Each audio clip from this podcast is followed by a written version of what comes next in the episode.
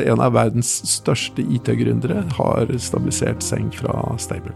Jeg snakket med kapteinen om bord i, i, båten, og jeg lurte på hvordan uh, eieren likte denne sengen. Jo, og dette var et ektepar, de likte den så godt at nå har de fått to unger til.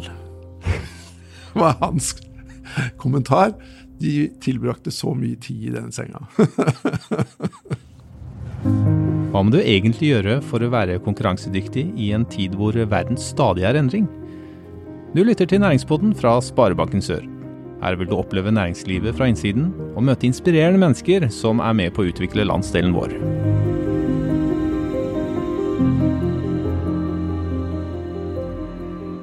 Du blir ofte omtalt som en gründer og et ingeniørhode, og er CEO og daglig leder av Stable AS. Velkommen, eh, Sven Heie. Tusen takk. Hyggelig å få invitasjon. For de som ikke kjenner til Stable, eh, Sven, kan du fortelle litt om hva dere driver med? Jo, Stable, vi lager eh, stabiliserte plattformer. Derav det engelske ordet stabil.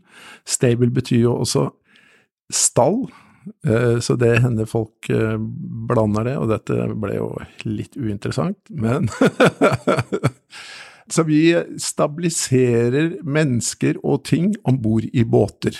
Først og fremst, det var der det startet, med å lage et stabilisert biljardbord som gjorde det mulig å spille biljard om bord i en båt i bølger. Hvordan kom du på denne ideen? Ja, denne ideen, må jeg innrømme, den kom ikke jeg på. Det, jeg var daglig leder i Datarespons eh, ASA, et eh, IT- og elektronikkselskap som eh, ligger i Bærum, Oslo. Der kom det en eh, fyr en dag og spurte kan dere lage et stabilisert biljardbord som kan brukes om bord i en båt.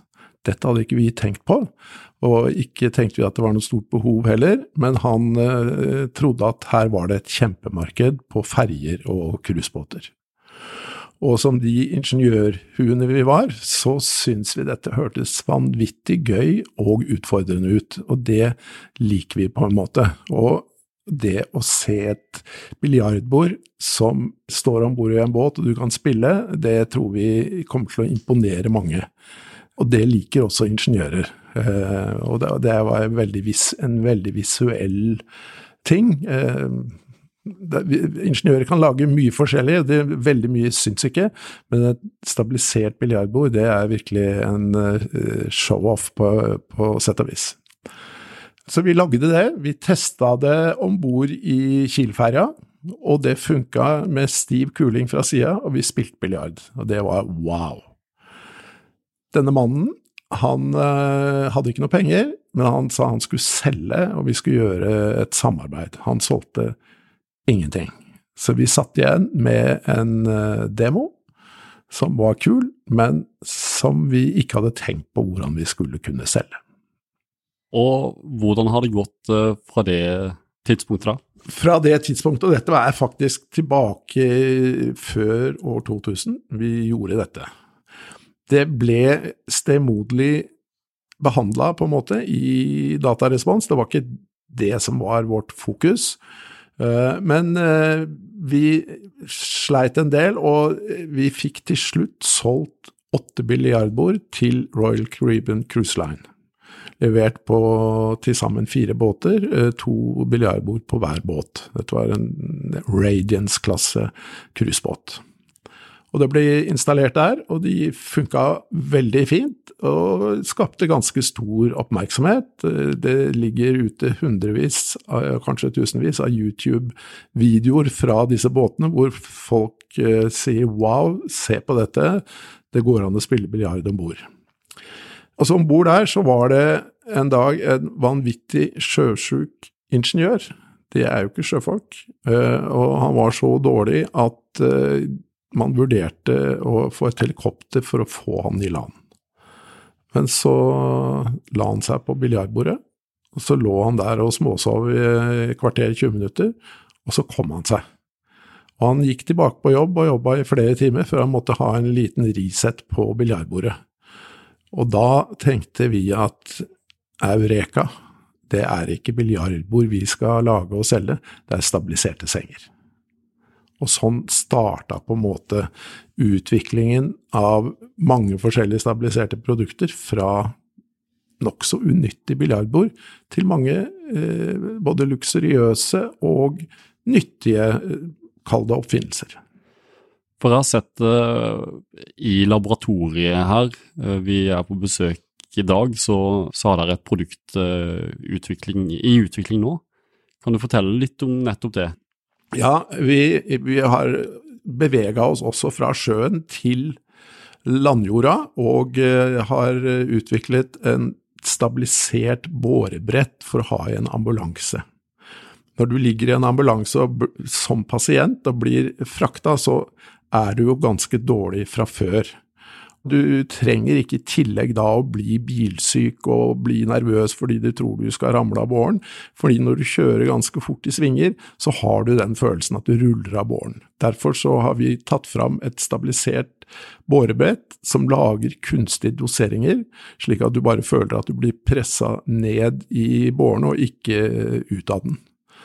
Og vi er nå i ferd med å avslutte utviklingen av den første prototypen, eh, og har installert den nå i en ambulanse. Og dette er et samarbeid med sykehuset i Kristiansand og ambulanseavdelingen der. Eh, og meningen er da å teste dette i løpet av høsten, og få dette inn i ambulanser. Og vi håper selvfølgelig som en standardutstyr for å gjøre selve transporten mye mer behagelig for pasienten.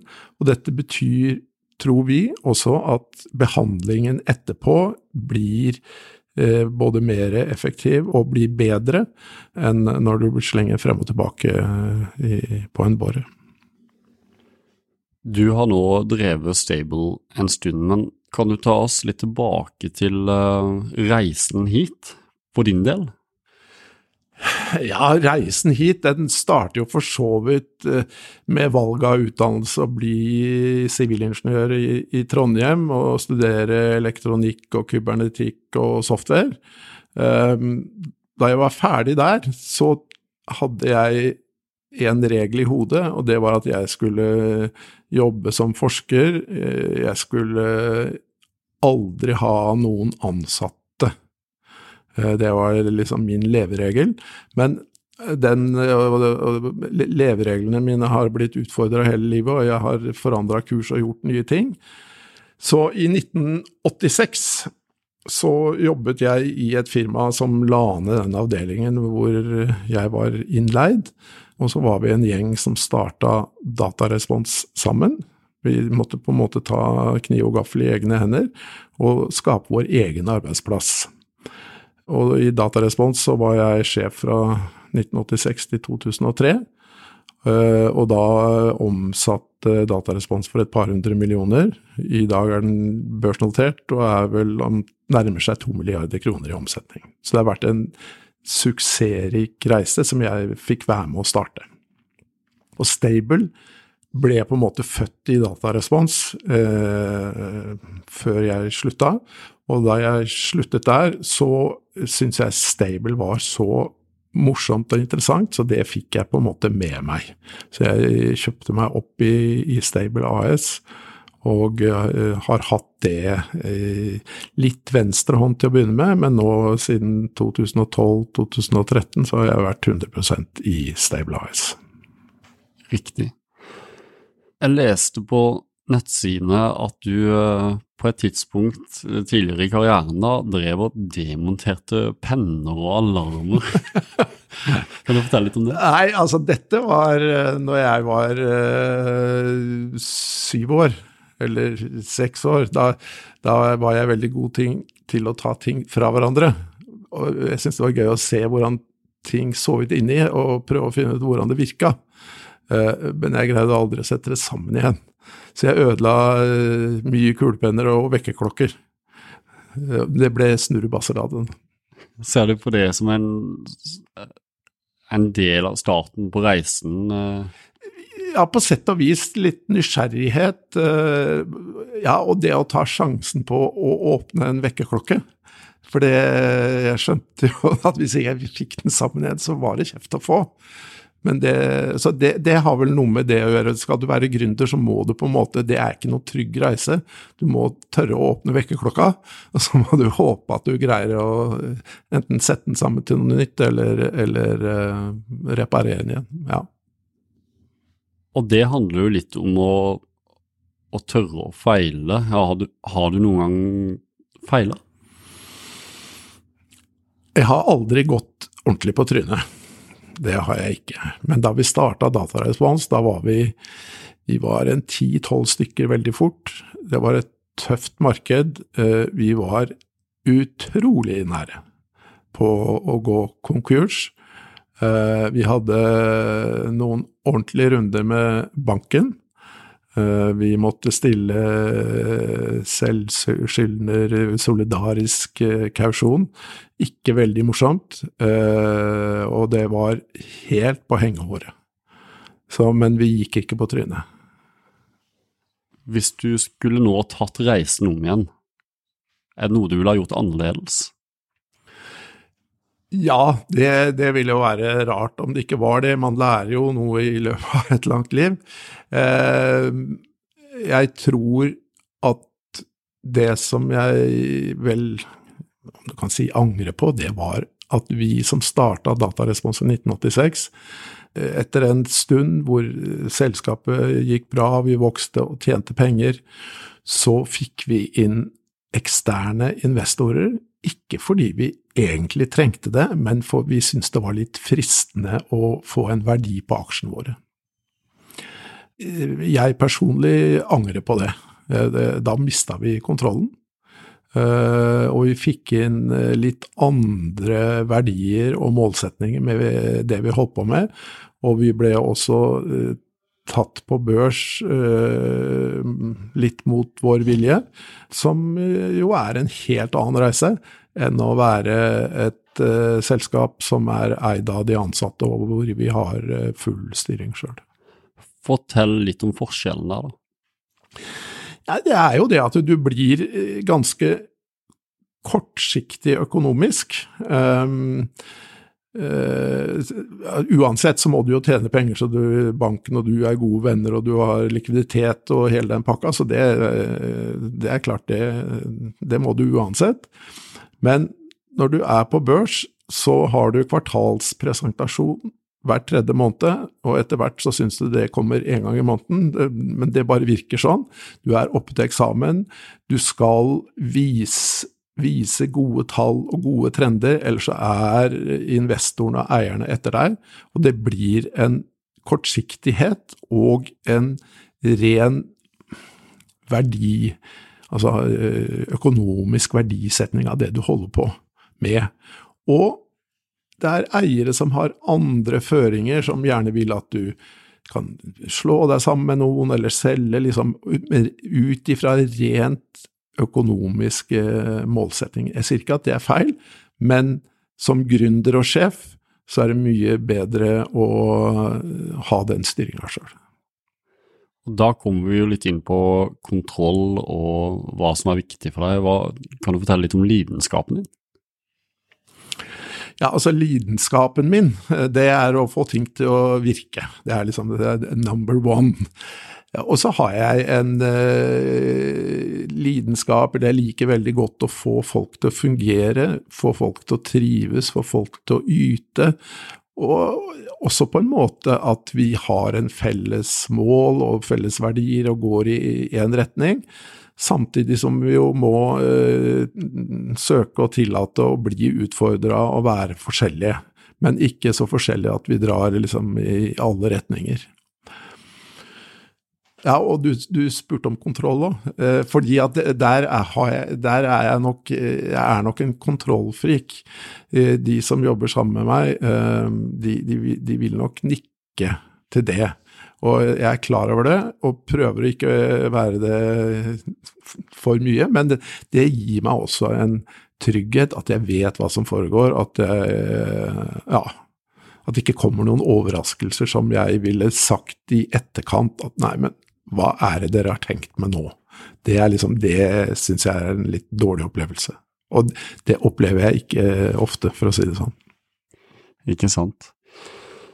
hvis vi ser tilbake, hva er det du er mest stolt av?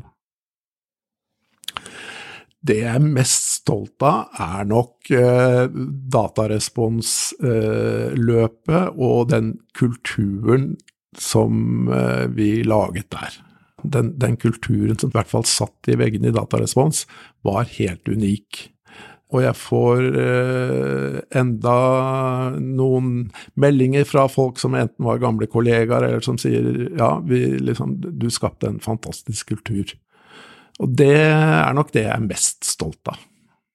Hva er det med kultur som er så viktig? Nei, det har jo noe med hvordan vi oppfører oss i et firma, hvilke verdier vi har, hva, hvilke, at vi f.eks. er rause, at vi kan ha humor, eh, at vi kan være litt rå med hverandre. liksom hele, hvordan, hvordan, er det vi samhandler? Hvordan er det vi har det på jobben? Hva, hva, er det en fryktkultur? Det er en dårlig kultur. Eh, og ja, hele liksom eh, verdisette de, de, skrevne og uskrevne regler, eh, og at vi alle sammen er opptatt av å lykkes langt utover det å motta lønn hver måned. Altså, vi, vi, er her fordi det er gøy, og fordi vi har et mål, og dette skal vi nå. Da legger vi inn litt ekstra i forhold til om det bare er det økonomiske. Har du noen gang erfart det motsatte? Nei, jeg hadde jo noen jobber før jeg starta for meg sjøl. Eh, kulturen der var nok kanskje eh, annerledes enn jeg ville hatt det. Eh, så jeg har vel egentlig ikke det, men det er klart jeg har også opplevd i, i Datarespons, hvor vi var mange ansatte, oppe i 200 da jeg sluttet, så er det klart at det var noen som falt utafor den kulturen, og som på en måte i mine øyne stakk eh, kjepper i, i hjula, men, men, det, var, det var absolutt unntak. Mm. Helt til slutt, Sven. Hvis du skal gi ett tips til uh, våre lyttere, hva skulle det vært? I, I, forbindelse med gründerskap? Nei, det går ikke bare med ett tips. Men jeg tror kanskje den, viktigste egenskap som gründer, det er å være tålmodig. Ikke tro ting tar lengre tid enn man tror. Uh, ha backup hvis det er mulig, men uh, også må man tørre å hoppe. Man må tørre å risikere. Uh, ellers så tror jeg det er, er vanskelig å lykkes. Mm. Det som kan være interessant, er jo du har både erfart å være gründer i Oslo og i Arendal og i regionen vår. Er det noe fellestrekk og ulikheter da? Ja, altså det er jo klart det er noe felles med, med hvordan å være gründer, men det, det er noen store forskjeller eh, som jeg ikke tenkte på når vi flytta hit for 12-13 år siden. Og det er at, og kanskje spesielt Arendal og Pollen, er eh, veldig konsentrert lite sted, hvor du har veldig mange forskjellige funksjoner, du har tette nettverk. Det er lett å bli en del av det nettverket på et lite sted, i forhold til å bli et del av det nettverket i Oslo. Det er et vanvittig gap. Og jeg, jeg, var veldig positivt overrasket hvor lett det var å komme inn i eh, næringsliv, næringsforening, bank og osv. videre. å finne kollegaer og finne folk eh, som blir begeistra for det du holder på med, og, og, få et nettverk eh, både profesjonelt og eh, sosialt i Arendal. Og at eh, det, det, ser jeg på som en veldig stor og positiv forskjell, hvis Arendal er stort nok for deg eh, ellers. Er det stort nok for Stable AS? Det er mer enn stort nok for Stable AS. Kan, det er massevis av eh, flotte folk å rekruttere. Arendal har jo en tradisjon innenfor det maritime som eh, vi også trekker veksler på, og som er viktig for oss, selv om så langt så har alle våre kunder uh, vært uh, i utlandet, men, men, det går kanaler herfra ut til både redere og kunder ute som er, har stor betydning. Hva med kompetansebehov? Du trenger jo utviklere, blant annet, vil jeg tro? Ja, og det, og det finnes mange flotte ingeniører i omegn. Og vi har jo UiA i Grimstad, som eh, har eh, mekatronikk som en av sine store linjer. Og der sitter det mye god kompetanse som passer godt for Stable. Og det fins veldig mange gode selgere i i området, som jo har jobbet eller jobber i internasjonale bedrifter, som kan internasjonalt salg og markedsføring. Så det, det er også veldig viktig, og det, det, er det godt med her. Hvordan markedsfører du et uh, stabilisert biljardbord? det er omtrent klin umulig. Det er jo ingen som uh, googler stabilisert biljardbord for de tror ikke at det fins. Så vi, vi, vi, får ikke mye den veien. Og så kan man gå rundt og presentere seg til de forskjellige cruiserederiene. Det er en tung jobb. Vi har valgt å satse på to store messer. Det er Monaco Yacht Show, og det er Metz i Nederland, som jo også er, har en stor avdeling for yacht og, og luksusting. Der er vi med stand eh, hvert år og møter fysisk eh, mange av eh, kundene våre, eller representanter for kundene våre. Det er også selvfølgelig en mulighet til å annonsere. Det er en tung greie økonomisk. Eh, det er dyrt å gå på eh, utstilling, men det er Skal du liksom nå fram med å annonsere, så må du lage en stor profesjonell pakke som er veldig dyr. Selv i 2019 så er jo så er det fortsatt fysisk oppmøte som eh, teller. ja, det, og, ja, og det, er, det er, veldig viktig. Hvis, hvis, vi tenker på det ene segmentet som vi er innafor, nemlig eiere av luksusyachter. De er ikke så lette å nå, eh, og vi vet ikke hvem de er. De står ikke i telefonkatalogen. Det, det er en problemstilling, men i Monaco der møter du noen, faktisk, og det er mange som kommer forbi og står og prater med oss. Og vi vet ikke hvem de er, men vi skjønner at de er, eh, er, eiere.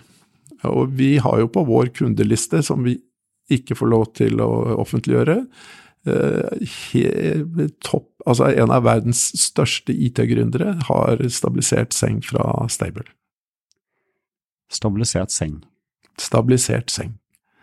Jeg kan, jeg kan, si at uh, jeg snakket med kapteinen om bord i, i, båten, og jeg lurte på hvordan uh, eieren likte denne sengen. Jo, de, og dette var et ektepar, de likte den så godt at nå har de fått to unger til. var hans kommentar. De tilbrakte så mye tid i den senga. Så det er jo Men dette kan vi da ikke bruke hvem er, da. Men uh, det har skjedd. Riktig. Jeg tror egentlig vi begynner å runde av her, eh, Sven. Uh, tusen hjertelig takk for at du ville stille opp i næringspodden til Sparebanken Sør. Det var bare hyggelig. Selv takk. Du lyttet nettopp til næringspodden av Sparebanken Sør. For flere episoder, gå inn på sor.no slash podden. Her kan du gi ris eller ros samt tips til andre næringsdrivende vi bør intervjue.